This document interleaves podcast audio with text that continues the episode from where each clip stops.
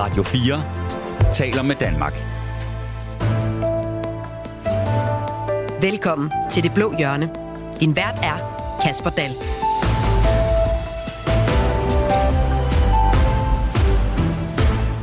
Julen begynder at banke på, og selvom rekorden for den længste regeringsdannelse er overskrevet for flere dage siden, så er der stadigvæk ikke skrevet under på et regeringsgrundlag.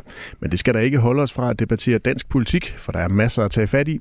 Søren Pape Poulsen og de konservative har forladt forhandlingerne med ordene, det handler om troværdighed. Så er det utroværdigt, når Liberal Alliance, Dansk Folkeparti og Venstre stadigvæk sidder til bords med Mette Frederiksen. Og så har Jakob Ellemann både gang i noget rigtigt, selvom det ifølge ham selv er et løftebrud. Så hvordan hænger det sammen? Det er nogle af de spørgsmål, jeg forsøger at få svar på i dag. Hvis du sidder øh, derhjemme med øh, nogle kommentarer eller nogle spørgsmål, så er sms'en åben. Husk, du kan sende din guldkorn afsted til os på 1424. Velkommen til Det Blå Hjørne.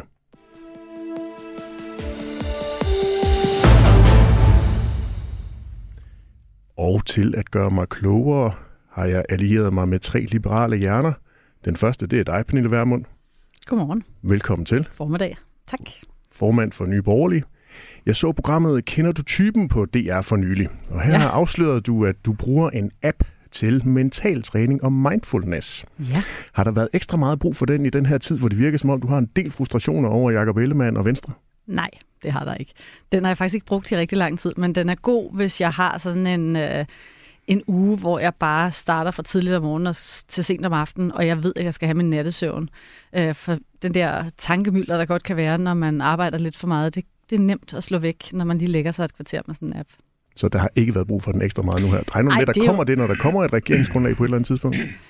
Nej, altså det, øh, jeg, det, jeg tror ikke, det er appen, der er brug for. Der er nok mere brug for nogle ægte borgerlige stemmer, øh, som kan råbe øh, regeringen op, når den bliver for rød og for magtfuldkommen, og som også kan fortælle danskerne, hvad vigtigheden er af et borgerligt samfund, hvor vi også får løst udlændingepolitikken fra bunden. Og så har vi også øh, Ole Birk øh, Olsen i studiet. Velkommen til dig. Tak skal du have. Udover at være finans- og miljøordfører, så er du også genudnævnt gruppeformand for Liberal Alliance. Om den opgave, der siger du i en øh, pressemeddelelse, der kom fra partiet i går, og jeg citerer, Partipolitik for Liberal Alliance i Folketinget handler om, at hvert enkelt gruppemedlem skal begynde arbejdsdagen med at tænke på, hvad man kan gøre af gode ting for at fremme den liberale sag i dag. Ja. Ole Birk Olsen, hvilken god ting har du gjort i dag for at fremme den liberale sag? Jeg har Selvom stået, dagen er ung. Jeg stod op, og så forberedte jeg mentalt øh, på at være i det her radioprogram, hvor jeg kan tale om, øh, hvorfor det er vigtigt at føre liberal politik. Så det er jo en god ting, jeg håber at kunne gøre i dag. Det kan selvfølgelig også være, at jeg siger noget virkelig dumt, og så har jeg så misset min opgave. Så kan det være, at øh, gruppen de øh, sender dig en, øh, en lille, lille blåt mærke. Det kan vi jo snakke om lidt senere. Janne Jørgensen, velkommen til. Tak skal du have. Venstremand og ægte liberal. Ja. Det hedder din bog i hvert fald. Det gør og den. du har et eksemplar med af den i dag, ved jeg. Ja, og øhm... Øhm. du kan som lytter købe den for 50 kroner ved at sende en besked direkte til mig. Er det noget med, at du holder brandudsalg af ja. den Ja. der øh, bog ja. Ja. nu her, lige inden at, øh, at midterregeringen den bliver præsenteret i Og jeg var så heldig at købe restopladet for en slik, så nu skal det komme andre folk til gavn. Så heldig, fordi der var kamp om at købe restoplaget? Eller? Det var der ikke. Nej, okay. Der var kun én byder, tror jeg. Janne Jørgensen, når du nu er ægte liberal, er de to andre i studiet så uægte eller falske liberale? Øh, nej, altså øh, og, øh, det slet ikke Ole, som har været VU'er, ligesom jeg har, og som er øh, dybt, dybt liberal. Øh, Jeg har meget stor respekt for, for Oles øh, liberalisme, og, og, og Pernille synes jeg også, især på den økonomiske politik, jo også er, øh, er meget liberal. Så nej, det er, ikke, det er ikke et forsøg på at sige, at jeg er den eneste ægte liberal i Danmark. Det ville jo også være trist. Har du ligesom Ole Birke Olesen en liberal øh, ting, en liberal god ting, du gerne vil gøre i dag? Jamen altså, jeg vil meget gerne øh, overbevise øh, dem, der lytter med på programmet her i dag, om, at øh, vi har en mulighed for at kunne få mere liberal politik igennem i regeringen end uden for regeringen. Det må vi se, om det lykkes med i, øh, i løbet af dagens udgave af Det Blå Hjørne. Ole Birk Olsen er Janne Jørgensen ægte liberal. Der findes mange forskellige måder at være liberal på, og mange grader af liberal, og mange strategier for at kunne gennemføre øh, liberal politik. Og øh, Jan har valgt en anden strategi, end jeg har gjort, øh, i det han blev i Venstre, mens jeg så muligheden for at gøre, synes jeg, noget mere i et nyt liberalt parti, der var kommet. Øh, men det, ja, det, det vil jeg nødig gøre mig til dommer over, men øh, jeg synes, det er nemmere i hvert fald i Liberal Alliance at holde fanen højt, og at sige de ting, man mener, og at kæmpe for de ting, man tror på. Hvorimod, hvis man er i Venstre, så tror jeg, at man meget ofte skal lægge en dæmper på sig selv. Men selvfølgelig, hvis man vurderer det der med at mm, komme i regering og måske selv blive minister på et tidspunkt, at det ligesom fylder så meget i at gennemføre liberal politik, så kan man godt øh, måske som venstremand øh, sige, øh, det vil jeg så hellere, end at jeg vil tale om de ting, der ligger mig på sinde til tid og evighed.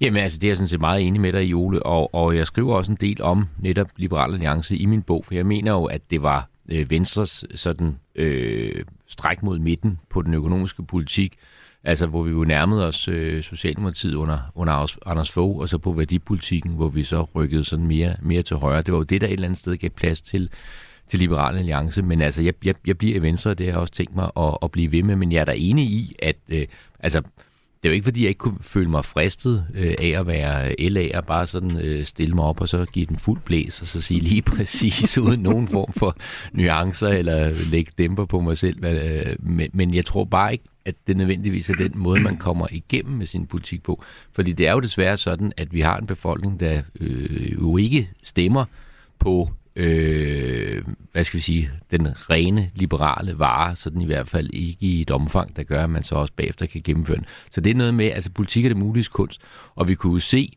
altså da vi havde en regering sammen, øh, jeg var meget optimistisk til at begynde med VLAG-regeringen der, men for eksempel øh, topskatten, der skete jo ikke noget.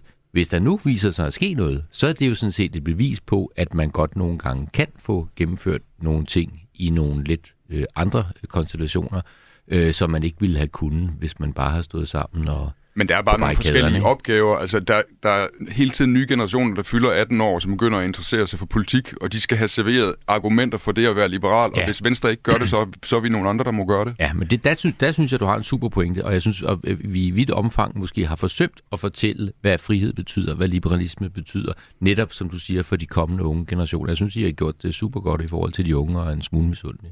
Pernille Vermund, nu hørte vi lige øh, fra de her, at Nye Borgerlige godt kunne have en liberal økonomisk politik, men er Nye Borgerlige egentlig et øh, liberalt parti? Jamen, det er rigtigt. Vi har en liberal økonomisk politik. Vores værdipolitik, vores udlændingepolitik, den er nok mere konservativ. Øh, og der, øh, der adskiller vi os jo både fra Liberal Alliance og fra Venstre.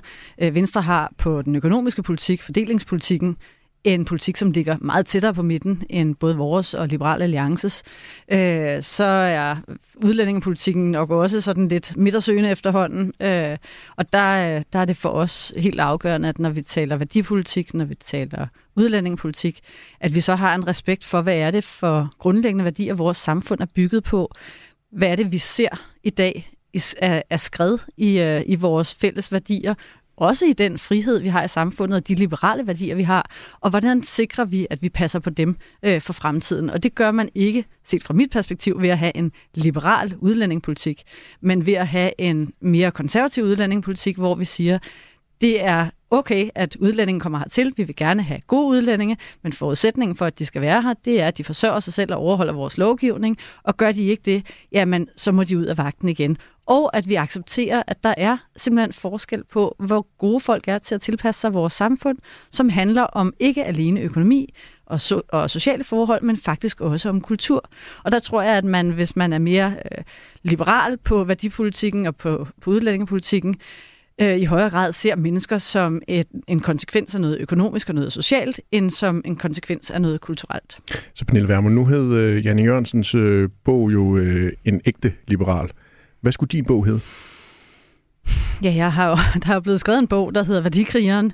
Øhm, øhm, og det, øh, jeg, jeg jeg ved sgu ikke, om jeg er sådan en, der går rundt og tænker over, hvad en bog, øh, jeg skulle skrive, skal hedde. Jeg er egentlig mere optaget af, hvordan jeg sikrer, at nu, mens jeg har energien og modet og gejsten, øh, hvordan, hvordan gør jeg det, som, som Ole Birk Olesen siger ret tydeligt på, på den økonomiske politik. Altså, vi er jo nogen, der er nødt til at sige, øh, komme med det rene budskab, fortælle, hvad er det for udfordringer, vi står overfor, og hvordan forventer vi, at, eller hvordan ser vi øh, de bedste løsninger? Og så kan der være andre partier, som siger, ja, men vi siger det, som vi tror, vælgerne gerne vil høre for at kunne få magten, og så sidder vi inde øh, bagefter og gør noget helt andet end det, vi har sagt i valgkampen.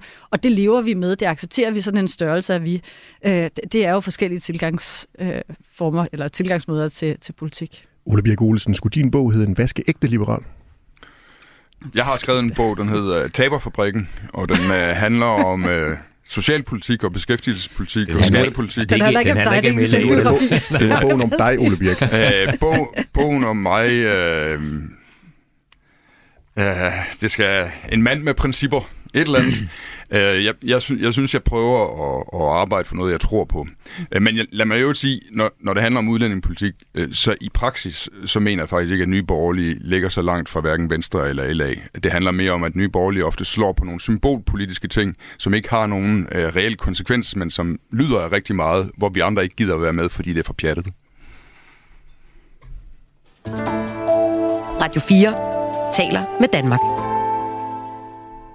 Vi iler videre i dagens udgave af Det Blå Hjørne. Før Folketingsvalget 1. november, der var talen fra Venstres statsministerkandidat Jakob Ellemann Jensen meget klar. Han gik til valg på en blå regering. Men efter valget har Ellemanns forestilling om et kommende regeringssamarbejde ændret sig. Og i øjeblikket har Socialdemokratiet og Venstre ifølge Ellemann gang i noget, der er rigtigt. Det lød sådan her til TV2 i mandags.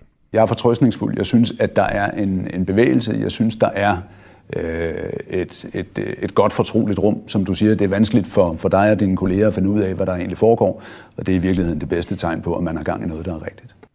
Pernille Vermund, er det ikke sådan en god borgerlig holdning, at folk skal gøre, hvad der føles rigtigt for dem selv? Ej, jeg synes, en god borgerlig holdning, det er, at man øh, holder ord. At øh, det, man siger, det er også det, man gør. Og øh, at når man har lovet noget før et valg, både over for befolkningen, men frem for alt også over for de øvrige borgerlige partier, jamen så er det også det, man kæmper for på den anden side af et valg. Øh, jeg er helt med på, at i hverdagen, når der er dannet en regering, så skal vi gøre alt, hvad vi kan. Og jeg så jo gerne, at vi stod sammen, alle de borgerlige partier, og også fik Lars Løkke Rasmussen med i den pulje. Vi skal stå sammen, vi skal kæmpe for borgerlige reformer, vi skal kæmpe for, at der ikke bliver slækket på den del af udlændingepolitikken, som handler om at passe på Danmark. Øh, Vi vil gerne åbne for mere udenlandsk arbejdskraft, øh, gøre det lettere for virksomheder at få arbejdskraft hertil, men vi vil ikke have en udlændingepolitik, hvor folk kommer og kan leve på passiv forsørgelse eller begå kriminalitet, og, ikke, øh, og at det ikke har konsekvenser. Så alt det havde jeg jo håbet, at man kunne stå sammen om i den borgerlige familie. Den borgerlige familie havde øh, en mand i spidsen, skulle jeg til at sige, som øh, i en periode kaldte sig leder af det borgerlige Danmark. Det gjorde han lige indtil valget. Nu er han så hoppet i seng med fjenden, og øh, det må vi andre jo så leve med. Men Pernille Vermund, I stod jo, jer borgerlige partiledere, og havde et fælles pressemøde, der handlede om mere frit valg. Ja. Jakob Ellemann har vel bare taget konsekvensen af det, og nu mener, der er fuldstændig frit valg. Nå, men det er der da også. Altså prøv at høre, jeg er jo hverken øh, øh, gift eller forlovet med Jakob Ellemann Jensen. Han må jo gøre, hvad han vil. Men alle valg har jo konsekvenser. Øh, og derfor siger jeg jo også ret klart, en ting er, at man forhandler øh, et regeringsgrundlag. Vi ved jo ikke endnu, om Venstre kommer til at gå i regering med Mette Frederiksen. Men for det første så hører jeg jo, hvad der bliver sagt i det interview, som du lige spil- spillede et klip for, eller fra. Og noget af det, der bliver sagt, det er dels, ja, jeg er klar til at begå løftebrud. Det er også, hvis jeg skal pege på Mette Frederiksen, så skal det være baseret på en politik, som jeg ikke engang gik til valg på, og hvor hvor Venstre jo stod kritisk over for os andre i valgkampen, hvilket ikke just gør det lettere at overbevise danskerne om, at der faktisk er en, øh, en borgerlig vej frem, som er bedre end den socialdemokratiske. Så jeg synes jo allerede i det, der er sket nu, er der så mange løftebrud over for de borgerlige partier, at jeg synes, det bliver svært øh, at se en vej frem. Men det er klart, at øh, bryde det her sammen, jamen så håber jeg, da, at vi, at vi knokler videre sammen.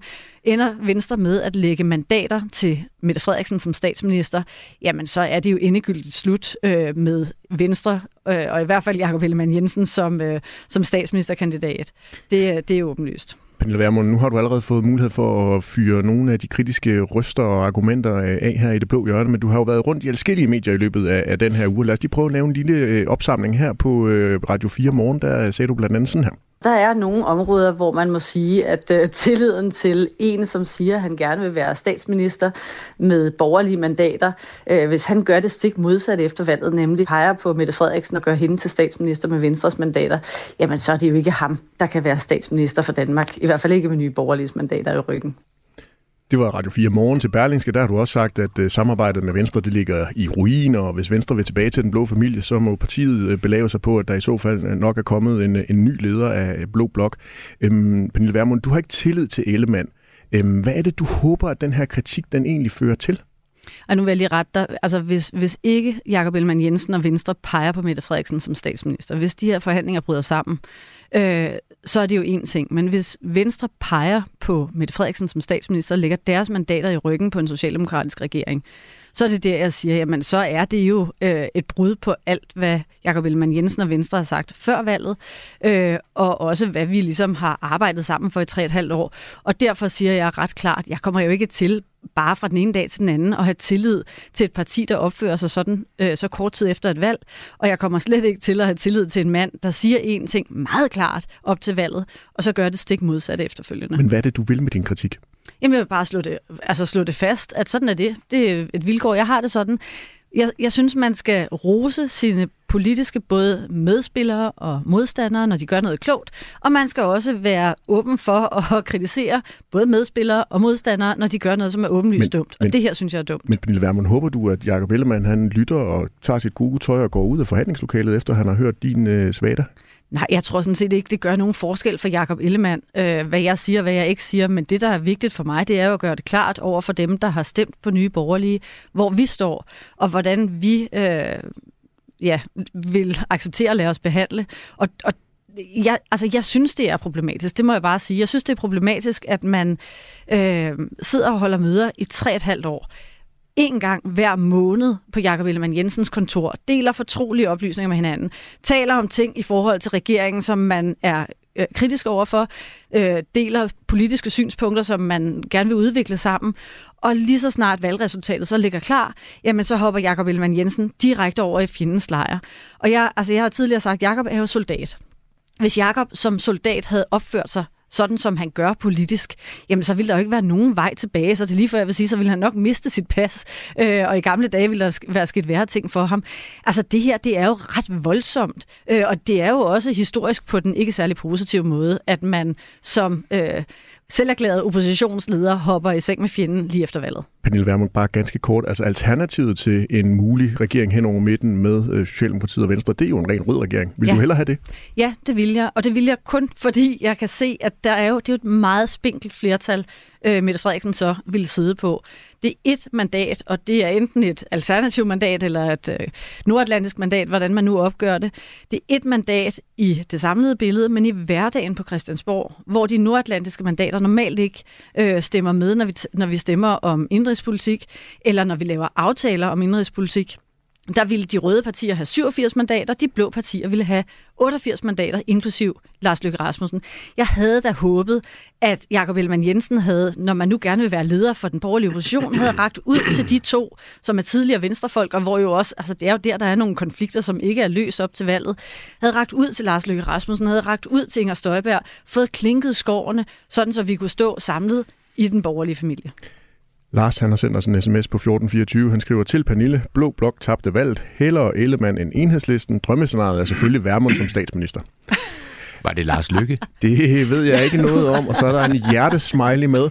Øh, Ole Birk Olesen, hvorfor tror du egentlig, at øh, Nye Borgerlige og Pernille Vermund, de raser så vildt og voldsomt over, at øh, der er udsigt til, at Venstre de går ind og laver regering med Socialdemokratiet? Ja, men altså, det er jo en velkendt sag, at hvis man bruger meget kraftige udtryk øh, om ting, som andre gør i politik, at så har man nemmere ved at få en, øh, et opslag i aviserne, og måske også en forside. Øh, det er jo derfor, at politikere hele tiden bruger ord som absurd, bizart, grotesk. Det, det giver utrolig mange overskrifter, og ved, ved siden af hver overskrift får man så et billede af sig selv. Er det den gamle ekstrabladjournalist, der snakker nu? Jamen, øh, jeg praktiserer det ikke, men jeg kan se det ske, øh, og... Øh, Øh, så Pernille Vermund er bare ude efter forsider og store overskrifter? Jeg tror, at Nye Borgerlige er i gang med at finde sin rolle i de kommende to, tre, fire år, eller hvor lang tid den her valgperiode nu, øh, nu varer. Og, øh, og at Pernille har udskåret den rolle til sig selv og Nye Borgerlige, at man skal være den arveste blå kritiker af en kommende SV-regering. Og det, øh, og, det, og, og at det, som vi også ser det i udlændingepolitikken, også indbefatter, at man bruger kraftudtryk, som vi andre holder os for gode til. Jeg kan simpelthen ikke gå i arkiverne og finde et kraftudtryk fra en øh, fra Liberal Alliances folketingsgruppe. Jo, det kan du helt sikkert, men du kan ikke finde lige så mange øh, kraftudtryk som øh, partier som som Nye Borgerlige og Dansk Folkeparti og Enhedslisten benytter sig af. Øhm, de, der, der er rigtig mange brug af den slags øh, ord som grotesk og absurd og bizart og sådan noget. Ja, i virkeligheden tror jeg, det handler, for mig handler det meget om, nu har jeg jo ikke været i politik hele mit liv, øh, hvis jeg i mit privatliv eller i mit øh, tidligere arbejdsliv som selvstændig arkitekt havde behandlet mine samarbejdspartnere sådan, som, øh, som Jakob Ellemann Jensen behandler det borgerlige Danmark nu, øh, og de borgerlige partier, jamen så vil jeg ikke altså så vil det være virkelig svært for mig at drive virksomhed, og jeg synes virkelig, det er et tillidsbrud. Jeg synes men det er også, ikke, det er et voldsomt Pernille, løftebrud. fordi hvis det er Jamen sådan, selv Jacob Ellemann det, Jensen jo siger, ikke, det er et Pernille, hvis løftebrud. nu du har nogle forhandlinger med en, en, en du tror skal være din kunde som arkitekt, og, og, og de på en eller anden måde, øh, det ikke lykkes øh, med det projekt, øh, så stryger det jo over til en anden kunde i stedet for. Det er da Øh, og fuldstændig derfor er det, det, det, er, det, er, det er faktisk meget sammenligneligt. Ej, det Øh, og, og det der, ikke. det, der, det, der er interessant her, det, er der er interessant her, er, det, der er interessant her, er ikke, hvorvidt øh, der er nogen, der har været en forræder eller ikke en forræder. Det interessante er, at Jacob Ellemann og vi andre gik til valg på, at vi skulle have et blåt flertal. Og at dette blå flertal skulle udløse en blå statsminister og et blåt samarbejde om det Mm. at drive regering i Danmark og et flertal i Folketinget. Det lykkedes ikke. Der blev desværre et rødt flertal. Marginalt, spinkelt rødt, meget spinkelt rødt flertal. Præcis. Og øh, i det røde flertal, der, var man, der er man enige om, at Mette Frederiksen skal fortsætte som statsminister. Så er det heldigvis sådan, at øh, Mette Frederiksen, hvilket jeg ikke havde forventet, men det skete, har indset, at hun kan ikke bygge en, en regerings, øh, et regeringssamarbejde eller et parlamentarisk samarbejde på et smalt flertal, som rummer enhedslisten og alternativet. Øh, og så kigger hun så over midten i stedet mod nogle blå partier.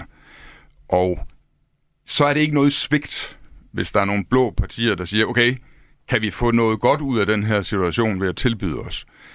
Der, hvor det er et svigt, det er, hvis vi går ned i substansen, og man ligesom gør ting, man har lovet, man ikke vil gøre, eller at man ikke udnytter et flertal, der er i Folketinget til at gøre noget, og så gør man det alligevel ikke, fordi man hellere vil i seng med Mette Frederiksen. Men- men det er For eksempel, der er, jo, der, der er jo et flertal i Folketinget nu, hvor Alternativet har besindet sig på, at vi skal have en advokatvurdering mm. af minkskandalen. Mm. Det er der et flertal for nu, mm. hvis alle de partier, som gik til valg på, at det skulle ske, de står fast på det. Mm. Og så er det jo i en eller anden form øh, et løftebrud. Hvis der så er partier, der siger, nej, men altså, det sagde vi godt nok i valgkampen, men nu vil vi hellere i regering med Mette Frederiksen, og, og vi ønsker ikke at stille det krav til Mette Frederiksen, at hun skal acceptere, at der kommer en advokatvurdering af minkskandalen. Mm. Eller en, en, en undersøgelseskommission af FE-sagen, mm. som der også øh, burde være et flertal for i Folketinget, fordi det var der i hvert fald i valgkampen.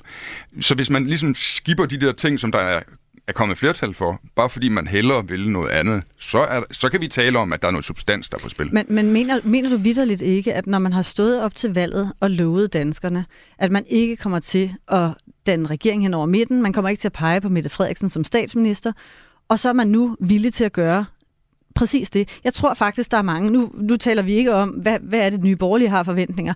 Men, men når jeg har siddet i de her programmer, og folk har ringet ind, så er det jo mange, der har stemt Venstre. Ikke Venstres medlemmer, men mange, der har stemt Venstre, som har stemt Venstre, øh, fordi de har sagt, at vi skal simpelthen ikke have mere øh, Mette Frederiksen. Vi vil ikke have mere af den magtafgande. Men det får vi jo. Det er meget muligt, Øh. men personligt vil jeg sidde og tænke, hvis jeg havde stemt på et borgerligt parti, som har bedyret, at de vil tage kampen op mod Mette Frederiksen, Det gjorde de også. Men det lykkedes bare ikke. ej, hold nu op, det er sgu lidt fæsent. Altså, Nej, nej, man nej. springer i seng Prøv- prøv få timer efter valgresultatet står klart. Men- Du må jo erkende, det her er jo ikke noget, man gør hver dag. Det er da, det er da historisk, og ikke på den særlig positive måde. Så derfor synes jeg også, det er rimeligt at bruge store ord om det, hvis det vidderligt bliver sådan. Selv Jakob Ellemann Jensen har jo sagt, ja, det er løftebrud. Gud pokker er det løftebrud, når man siger en ting før et valg og gør det stik Jeg modsatte tror, vi skal have en ordstyr, der stopper Pernille en gang imellem, hvis vi andre også skal have lov til at Jo, tale. men, men, men Ole Birk, du fik også lige rigtig lang tid. Lige Nej, det før. gjorde jeg ikke. Og det gjorde Ikke du i hvert fald. Men, men en, der ikke har fået rigtig meget tid, og det er jo manden i midten, øh, i hvert fald her fysisk i, i studiet, Janne Jørgensen. Du sidder og smiler og ser ud til at stortrives, imens at Liberal Alliance og Nye Borgerlige, de øh, kappe som øh, taletiden. Janne, hvordan er det at sidde her øh, med Pernille Vermund, som I jo i valgkampen stod side om side med i den blå opposition, og så oplever, at hun er så vred på dig og Venstre?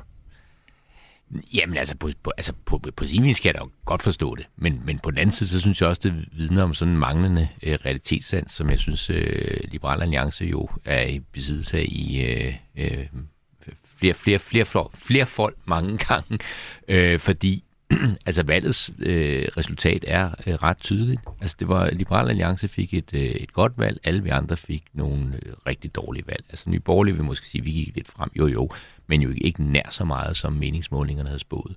Og det nye parti, Danmarksdemokraterne med Inger Støjberg spidsen, øh, fik også et flot valg. Man kan ikke engang pege på øh, Jakob som øh, Jakob Jensen som kongelig undersøger. Så altså, der kommer ikke noget, der bare minder om en øh, regering bestående af de blå partier. Det kan ikke lade sig gøre, vi står i en ny situation. Og hvad gør man så?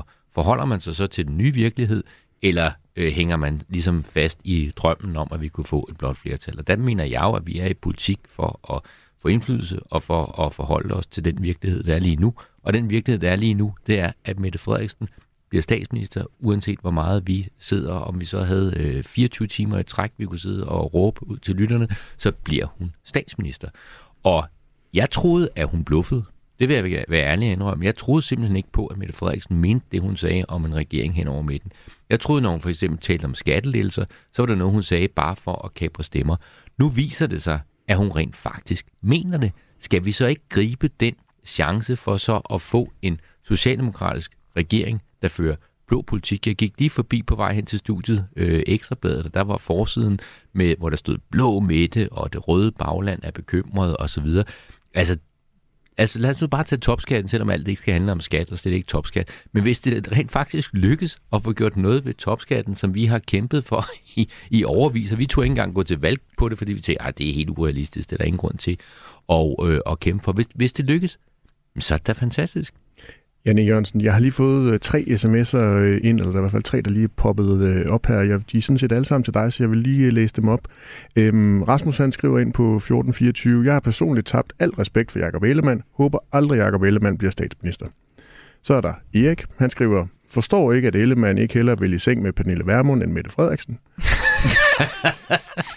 Og så er der Emma, som skriver en lidt længere besked. Hun skriver, Hej med jer panel. Jeg har aldrig tidligere stemt blot, men det gjorde jeg i denne omgang. Jeg stemte faktisk personligt på Jakob Ellemann. Det gjorde jeg, fordi jeg ikke ønskede Mette Frederiksen. Jeg føler godt nok, min stemme er spildt. Øv. Pernille Vermund var også lidt inde på det øh, lige før. Janne Jørgensen, risikerer I ikke, at der er utrolig mange venstrevælgere, som har stemt på jer, fordi de ville noget andet end Mette Frederiksen? Jo. Som bliver slemt skuffet nu? Jo, helt sikkert. Og det er der allerede mange, der er blevet. Og vi får jo også øh, vrede øh, beskeder. Og øh, jeg tror også, der kommer til at være folk, der melder sig ud af Venstre. Men gør det indtryk? Øh, ja, det gør, det gør da kæmpe indtryk. Selvfølgelig gør det det. Det man jo bare skal huske, det er, at politik er meget, meget sjældent lette valg. Altså hvis det var lette valg, og der var et valg, der var bare lutter øh, positive ting ved det, og et andet valg, der var lutter negative ting ved det, så er der ingen grund til at have politikere, fordi så kan man bare, om det giver jo sig selv. Altså politik består jo meget ofte af valg, som er vanskelige og som er dilemmafyldte, og hvor man må kigge på situationen og se, hvor kan vi få mest igennem. Altså, det handler i meget høj grad om kompromiser. Jeg kan godt forstå, at man er skuffet, og jeg har også været vred og forbitret på Mette Frederiksen og håndtering af Mink-sag og så videre. Øh, altså, ingen tvivl om det.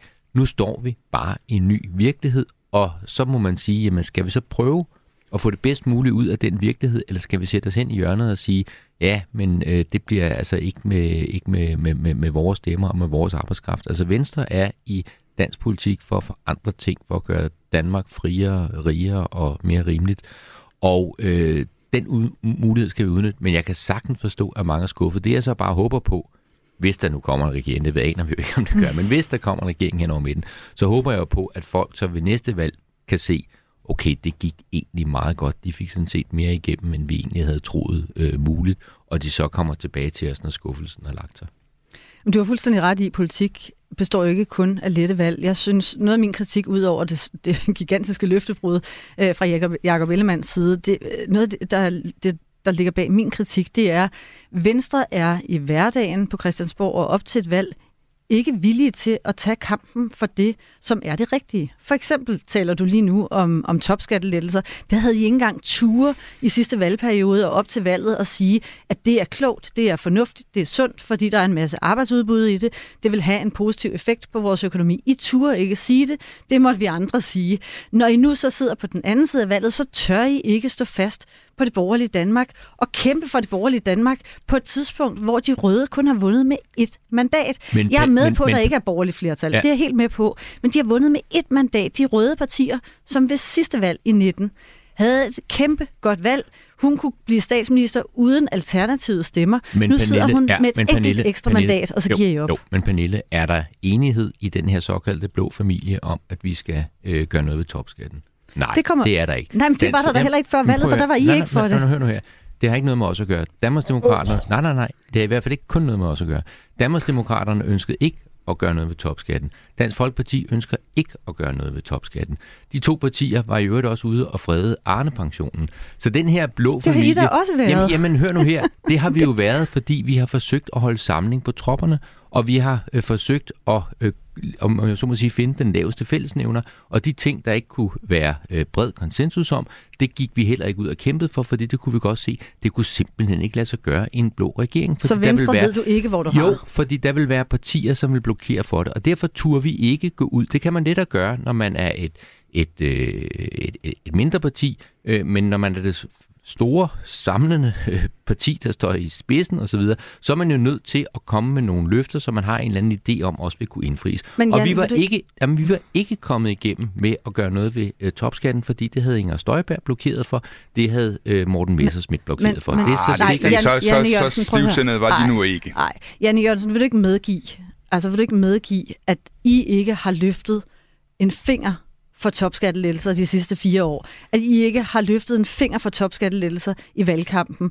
Og at nogle af de store, det er jo ikke nemt at forklare danskerne, hvorfor det er vigtigt at lette, top, eller lette skatten for nogle af de mennesker, der har allermest. Det er jo ikke, fordi man gerne vil belønne de rigeste. Det er, fordi der er en masse arbejdsudbud i det. Det er, fordi det er et af de billigste steder at få skabt det arbejdsudbud. Der er, det er sund borgerlig Men det politik. ikke- jo, men men det den, ikke ny- den jo, men- jo, dagsorden jo, har I jo ikke på nogen Nå, måde det er ikke- løftet. Så min kritik, min kritik handler i virkeligheden lige så meget om, Ja. du siger, at det ikke er lette valg, men jeg synes jo, I alt for ofte benytter jer af de lette løsninger. Men altså, I flyder lidt med, Ja, hvor, er hvor ikke- vælgerne er, Jo, jo, i stedet for at tage Nej. kampen for det borgerlige Danmark Nej, og det- de borgerlige værdier. Jamen det, det, er, det, er for, altså det er for firkantet at se på det på den måde. Altså Anders Fogh sagde, skattelettelser er ikke noget, man skal snakke om, det er noget, man skal gennemføre. Og øh, da Anders var statsminister, der lykkedes det rent faktisk at få, at få øh, mange skattelettelser øh, igennem. Øh, så altså det her med at gå ud og øh, buller løs med et eller andet, og øh, ikke måske få overbevist folk om øh, det rigtige i det, og øh, ikke øh, vinde valget, jamen altså, hvad, hvad skal det til for? Men altså, der er det, måske, det er der er lige måske, præcis bed- der er måske 25 bedre, minutter siden, du sad her og sagde, at indimellem kunne du godt have lyst til at være medlem af Liberal Alliance, og få lov til at sige det, der er det rigtige. Og, og der, altså, kan du ikke bare i det mindste erkende, at Venstre har en anden position? Det er ikke jer, der tager værdikampene, øh, de liberale værdikampe, de økonomiske værdikampe i hverdagen, og, og det er jo så andre partier, der vi vil tage hellere, de kampe. Jo, jo, men vi vil hellere lave politik, end vi vil øh, snakke. Altså, og, og øh, altså, tag sådan noget som formueskatten. Formueskatten blev afskaffet af en socialdemokratisk regering med Mogens Lykketoft i spidsen. Hvem havde nogensinde troet, det skulle lade sig gøre? Altså, der sker sådan lidt det her, altså only Nixon could go to China. Øh, altså, nogle gange, så kan det lade sig gøre at få nogle ting igennem i nogle konstellationer, som uden, altså, øh, umiddelbart kan virke mærkeligt. Og vi så jo, altså da vi havde VLAG-regeringen, der så vi jo, at Dansk Folkeparti kunne jo ikke onde Liberal Alliance noget som helst. Så jo mere Liberal Alliance talte om mm. noget, jo sikrere var man på, at det kom aldrig til at ske, fordi Dansk Folkeparti øh, blokerede. Så altså, altså, vi har haft nogle dysfunktionelle måder at arbejde sammen på igennem mange år, og det er så kulmineret øh, nu, kan man sige. Og nu handler det for Venstre om at stå i egen ret og få så meget liberal politik igennem som overhovedet muligt. Men jeg er fuldstændig enig i, at vi skal måles på resultaterne. Altså hvis der kommer en regering hen over midten, så er det jo kun godt, hvis der også bliver gennemført en masse blå politik. Janne Jørgensen, bliver du en uægte liberal i resten af den her valgperiode? Jamen prøv at høre, jeg har samarbejdet med alle mulige. Jeg har samarbejdet med konservativ, det bliver jeg ikke konservativ af. Jeg har samarbejdet med, med Dansk Folkeparti, det bliver jeg ikke nationalkonservativ af. Selvfølgelig kan jeg også samarbejde med socialdemokrater uden at blive socialdemokrat. Det er og bliver øh, ægte liberaler. Det er der ikke noget, der kan pille ved. Men der er også så meget pragmatiker i mig, at øh, jeg vil samarbejde, jeg har nær sagt med hvem som helst, for at få min politik igennem. Der er endnu flere lyttere, der har sendt sms'er ind til os, som jeg lige vil øh, læse højt. Øh, Martin han skriver, at det er vel helt nødvendigt, at vælgerne ved, hvad partierne, skråstrej politikerne vil, og at de kan holde deres ord. I borgerlig blok er især Venstre meget utroværdige efter det her valg. Så er det Henning fra Ry, der skriver, hvis Pernille Vermund og Inger Støjberg fik magt, som de har agt, ville samfundet blive polariseret med tiden, som i USA. Jeg mener, det er modigt at prøve at danne bro mellem fløjene og dermed polarisering af samfundet. Så er der Daniel, som skriver, Halløj, som Ole siger, Mette bliver statsminister uanset hvad, så er det da klogt, at Jakob så søger mest mulig indflydelse. Jeg stemte netop ikke på Venstre, fordi jeg ikke orker Dansk Folkeparti, Liberal Alliance og Nye Borgerlige, så jeg stemte på Socialdemokratiet. Men bare dejligt i min optik, at de største og trods alt mere menneskelige partier går sammen og styrer Danmark sikkert gennem den nuværende situation. Ole Birk Olesen, nu har du siddet lidt derude på, øh, på fløjen og jagtet øh, debatten, og lige for lidt siden, der sagde du, at det jo ikke var Liberal Alliance, der leverede de øh, kraftfulde udtryk og de store overskrifter, men alligevel så har din øh, partiformand, Alex Vandopslag, jo været ude på Twitter i tirsdags med en lang række tweets, som bevares ikke har taget de store overskrifter, men han skriver alligevel noget, som jeg synes er øh, ganske interessant, også fordi Liberal Alliance jo officielt, om ikke andet, stadigvæk er en del af de her regeringsforhandlinger.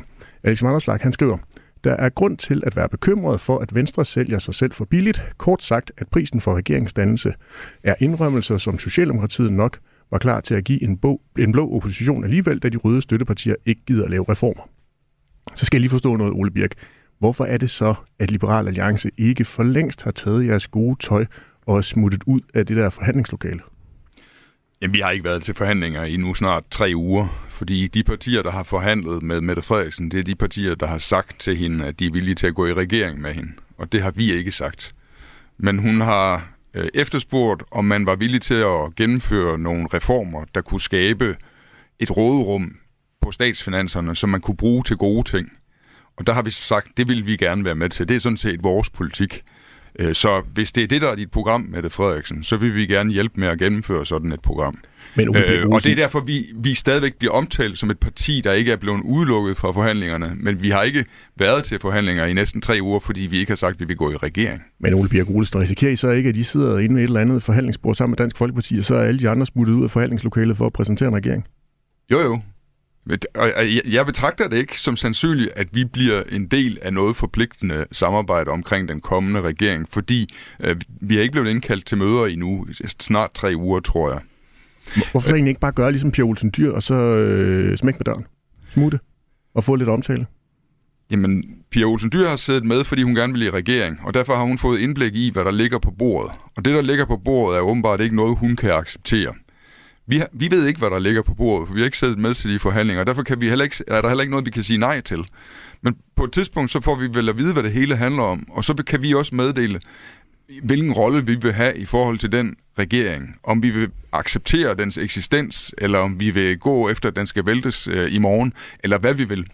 Vi har nogle ønsker, øh, som øh, ikke er blevet drøftet endnu, øh, mens vi har været der, fordi der ikke blev spurgt til dem.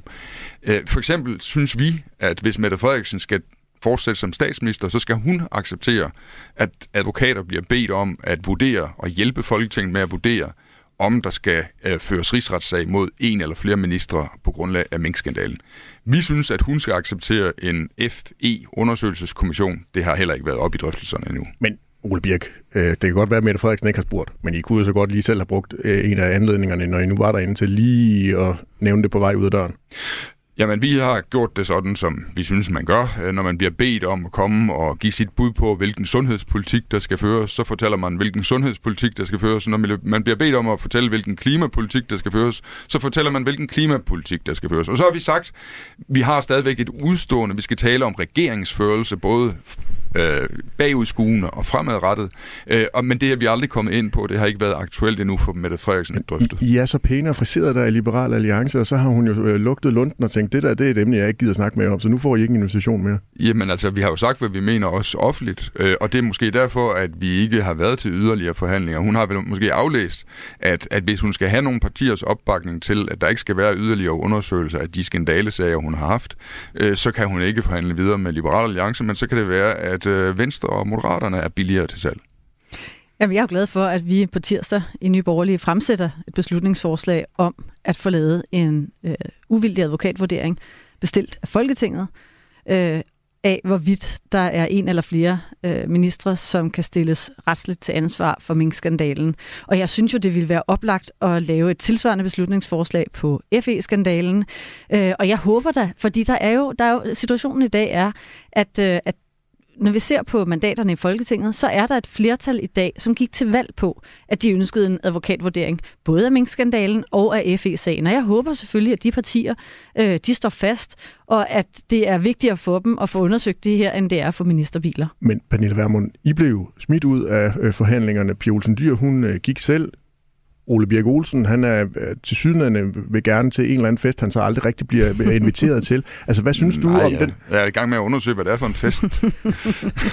Nej, jeg tror, vi bliver smidt ud, Men- fordi men vi jo Pernille gør det ret klart, Men Pernille- at, at sådan en regering, hvor Mette Frederiksen bliver statsminister, det er ikke en regering, vi kommer til at pege Ja, på. det har jo Liberal Alliance så åbenbart ikke gjort ret klart, hvis det er det, du mener, der er til, at I røg ud. Hvad synes du egentlig om den måde, som øh, dine øh, venner i, i Blå Blok, Liberal Alliance, har, hvordan de har ageret i den her øh, periode, hvor der har været regeringsdrøftelser? Jamen, jeg synes, man skal som parti gøre alt, hvad man kan for at forhandle så længe som overhovedet muligt med de, hvad skal man sige, røde linjer, man så har. For os er det en klar rød linje, at Mette Frederiksen ikke skal være statsminister. Men de indledende forhandlinger var vi jo med til øh, så langt, at vi også nåede at tale klimapolitik, tale naturpolitik, tale dyrevelfærd, tale øh, økonomisk politik, tale udlændingepolitik.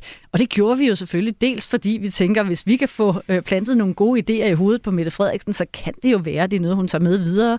Og når man så kommer ud fra de her forhandlinger, og det er jo den kyniske sandhed også, jamen så står der jo øh, en samlet presse, som ikke normalt er til rådighed for små partier som Nye Borgerlige. Så vi har da siddet med så længe som muligt. Det synes jeg da også, man skal gøre, uanset om man er Liberal Alliance eller Venstre. Men derfra og så til at gøre Mette Frederiksen til statsminister, der er et langt stykke vej. Og det er det, jeg virkelig opponerer mod. Nu var Ole Birk lige inde på, at selvom han har fået engang en invitation, og ikke rigtig er blevet afmeldt fra den her øh, fest endnu, så øh, får I ikke at vide, hvad det er, der ligger inde på forhandlingsbordet. Det kan være, at Janne Jørgensen ikke engang ved, hvad der ligger inde på forhandlingsbordet, selvom han er en del af Venstres lidt mindre folketingsgruppe her efter valget. Janne, Ja, jeg ved ingenting. du aner ingenting. Nej, du, Ikke du, der du fralægger dig et hvert ansvar på, på, på forhånd. Men, men, men må jeg ikke bare lige, altså det her med, altså du taler om at gøre Mette Frederiksen til statsminister.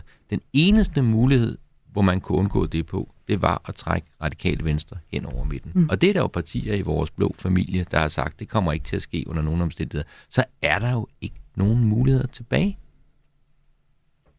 Pernille Vermund, hun er allerede mund, mundlam, hun blev sat Nå, på jeg, plads. jeg, jeg synes, nej, nej, jeg synes jo Nej. bare, hvis man sidder og gerne vil være leder for en opposition, det gjorde Jakob Ellemann Jensen. Han brugte tre et halvt år på det. Hvis man gerne vil påtage sig den opgave, så er det jo også en opgave, som handler om på den anden side af valget, mm. at trække de folk til sig, hvor man kan se, her kunne være et øh, samarbejdsgrundlag og måske en mulighed for, at vi kan danne et andet øh, flertal. Og, og det er jo der, det, jeg er helt med på, DF kommer jo aldrig nogensinde til at hverken støtte eller være en del af en regering, hvor radikale venstre kunne være med. Men selvom Inger Støjberg har øh, sagt, at hun ikke vil afskaffe topskatten, så er hun jo, når vi taler international arbejdskraft, når vi taler øget arbejdsudbud osv., så er hun jo trods alt mere borgerlig, end hun er socialdemokrat. Øh, så hvis man nu havde været den rigtige leder, så havde man nok også, og det var det, jeg sagde tidligere, sørget for, at Lars Løkke Rasmussen og Inger Støjberg kom ind, og at man på en eller anden måde fandt ud af, har vi en fællesmængde, som handler om, at det, vi kan skabe sammen, det er større og vigtigere og bedre, end hvis Mette Frederiksen sidder som statsminister. Jeg vil gerne lige tilbage på det der forhandlingsbord, Ja. hvor ingen af os jo ved, hvad der sker, men hvor børsen til synligheden har fået en eller anden, øh, et eller andet form for indblik. I hvert fald så skrev øh, børsen i øh, avisen den anden dag, at der blandt andet ligger et øh, udkast til et øh, regeringsgrundlag, hvor der omtales, at der skal skaffes øh, 25.000 personer i det, der hedder øget arbejdsudbud frem til 2030, altså at der skal nogle reformer på bordet, der gør, at der kan komme flere ud på øh, arbejdsmarkedet.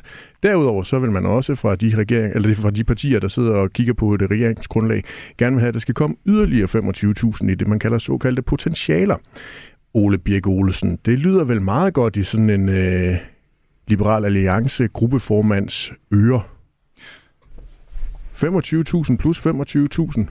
Jamen, det er bedre end ingenting, og, og, og det er bedre, meget bedre end det, som Mette Frederiksen hun har blokeret for, øh, både under Vlak-regeringen og i øh, den forgangne periode, hvor hun selv var statsminister, der blokerede hun for, at man kunne lave den slags politik, men nu vil hun så åbenbart. Men det, men det er ikke nok.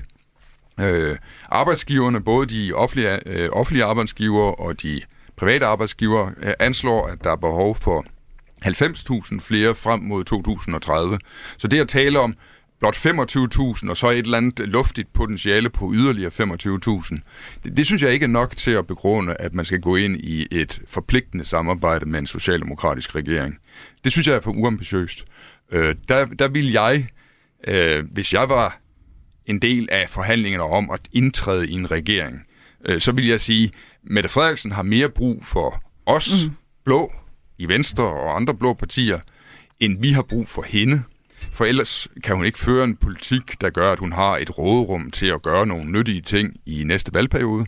Og så vil jeg skrue op for det krav og sige, 25.000, det er alt, alt for lidt. Vi må op i nærheden af de 90.000, som offentlige og private arbejdsgiver siger er nødvendigt. Pernille Vermund, 25.000 plus 25.000, hvordan lyder det i en nyborgerlig søger? Jamen, jeg er meget enig med Ole Birk Olesen, øh, og jeg synes, det, den vigtige pointe er, lige præcis her, er jo, at, at Mette Frederiksen har mere brug for de borgerlige partier, end de borgerlige partier har brug for Mette Frederiksen. For mig handler det her om, at vi måske godt på den meget korte bane kan få nogle indrømmelser på noget, som er bedre end Mette Frederiksen leverede fra 19 til 22. Men, men det handler i højere grad om, hvad er det, vi ser på den lange bane. Og hvis vi på den lange bane får noget, der er mindre ambitiøst, end hvis, der, øh, havde, hvis vi havde lagt de borgerlige mandater sammen, og trukket i den rigtige retning, og mindre ambitiøst, end hvis man om to eller tre år havde fået et nyt valg, og dermed også en borgerlig øh, regering, jamen så er vi jo lige vidt. Altså politik er jo, det er jo noget med at have det lange lys på, og det som jeg frygter, ud over at alt det vi har talt om nu, det er jo, at udsigten til et borgerligt flertal og en reel borgerlig økonomisk politik på den lange bane, den bliver væsentligt længere, hvis man lader Mette Frederiksen sidde med magten. Fordi det vil være en styrket Mette Frederiksen, der går ud af det her, og det vil formentlig også, og det kan jeg jo så glæde mig over i forhold til Nye Borgerlige, vi kommer til at, sikkert til at vinde mandater på det, men det bliver formentlig også et svækket Moderaterne, og på et eller andet tidspunkt også et svækket Venstre, øh, der er resultatet af det her. Jeg kan godt leve med, at både Venstre og Moderaterne bliver svækket, men hvis det her er på bekostning af det borgerlige Danmark og den borgerlige fremtid for Danmark, så synes jeg, det er problematisk. Janne Jørgensen, Pernille Vermund, hun siger, at det er problematisk, og hun mener også, at Mette Frederiksen kan stå stærkere efter sådan en, øh, en regering hen over midten. Alex Vanopslag, politisk leder for Liberale Alliance, han skrev øh, også forleden, at det er vigtigt at huske, at en regering over midten også betyder meget stor sandsynlighed for genvalg af Mette Frederiksen mm. som statsminister. Øh, ved næste valg i fraværet af samlet blå opposition, er I i gang med at gøre Mette Frederiksen til øh, statsminister i to, tre, fire perioder? Jeg tror, man skal passe meget, meget på med at udtale sig øh, skråsikkert om den lange bane. Altså enten den er 4, 8, 12 eller 16 år. Altså vi kunne se, hvordan tingene kunne ændre sig bare under en, under en valgkamp, og hvad der stod virkede som et øh, stensikkert øh, blot flertal. Det blev jo øh, kastet over bord bare i løbet af en, af en valgkamp, så tingene kan, altså, kan ændre sig rigtig, rigtig tidligt. Hvis vi kigger historisk på det, så havde vi jo en SV-regering tilbage i øh, det var 78, ikke? Og i 82, der fik vi altså en firkløverregering med, øh, med Poul Slytter i spidsen, så, øh, som, som sad i, øh, i 10,5 år, og som ført, gennemførte rigtig, rigtig meget blå politik. Især de første fire år var fantastiske. Øh, så jeg tror, man skal passe på med at sige, øh, at det her fører til øh, noget om 4, 8, 12 år med sådan en eller anden grad af sikkerhed. Jeg tror, at det kommer simpelthen til at afhænge af, hvilken politik, der bliver gennemført, og hvilke resultater, der kommer. Og jeg har, har der ikke på nogen måde opgivet tanken om, at vi kan få en blå øh, statsminister. Det skulle vi da meget gerne have igen. Og øh, jeg tror ikke, at det her øh, er noget, der øh, bremser muligheden. Ole Birk Olsen? Det, jeg godt kan frygte her, det er, at vi har en generation af venstrepolitikere, som mener, at det højeste, de kan nå i resten af deres politiske karriere, det er at blive visestatsministerparti under en Mette Frederiksen-regering. Fordi de ikke har, det har vist sig, at de har ikke kompetencerne til at blive et stort, øh, ledende øh, borgerligt parti, som kunne gå efter statsministerposten i egen ret. Øhm, jeg synes, det var sigende for sta- øh, sta- partilederduellerne, øh, vi så i valgkampen. Det var, at der var, der var nogen i de dueller, der havde udstråling, som kunne tænkes at være kommende statsministre. Øhm, Hvem kunne det være? Jamen altså, Mette Frederiksen havde den der statsministerudstråling. Lars Lykke havde den gamle øh, statsministerudstråling. Øh, og så... Alex Vanderslag? Han havde en udstråling, men han kommer jo fra et parti, som øh, i hvert fald traditionelt ikke har været stort nok øh, til at kunne... Øh, men han havde en udstråling. Men, øh, og, men, men, og, og, og, og, og, og dermed siger jeg også, og så dermed siger jeg også, jeg synes ikke, at hverken Søren Pape, som var statsministerkandidat, eller Jakob Ellemann havde statsministerudstråling. Og derfor frygter jeg, at man nu i Venstre har konkluderet, at det er det maksimale, vi kan nå med Jakob Ellemann, og så prøver vi det. Men Ole Birk Olesen, hvem er så øh, den nye leder i Blå Blok? Hvis du siger, at øh, Venstre ikke kan blive statsminister, øh, selvom Jakob Ellemann måske øh, siger, at han er statsministerkandidat? Ja, det må vi jo se de næste øh, tre år, eller fire år, eller to år, eller hvor lang tid det varer. Det er, hvem, hvem kommer til at shine på en måde, så man kan tænke, denne person ville godt kunne blive leder af et blot Danmark. Kunne det være Pernille Vermund? Igen, Pernille Vermund har størrelsen af sit parti imod sig, øh, så det tror jeg ikke. Men 14 mandater, kun lige marginalt mindre end Danmarksdemokraterne, er øh, Liberal Alliance jo. Der, der, der er mange ting, der er i spil i sådan noget her. Øh, der, der er også... Alex Vanopslag har jo sagt den, i det her radioprogram, at han har et kontor nu, et formandskontor, der er stort nok til at kan den, rumme partilederne fra Dengang uh, Uffe Ellemann var leder af Venstre, der prøvede han at blive statsminister ved ikke at være den mest midtsøgende borgerlig, men at være en klar liberal øh, blå kandidat til statsministerposten. Og det lykkedes næsten. Øh, siden da øh, har Venstre set det som en sin rolle at være det mest midtsøgende parti i Blå Blok. Det, som Jan E. Øh, redegjorde for her, at ligesom den laveste fællesnævner for Blå Blok. Og på den måde er det lykkedes for Venstre at blive øh, statsministerpartiet i Danmark. Øh, men det kan jo være, at tingene kan laves om i fremtiden, men det er to forskellige tilgange til det, og det lykkedes ikke for Uffe, det lykkedes for Anders Fogh.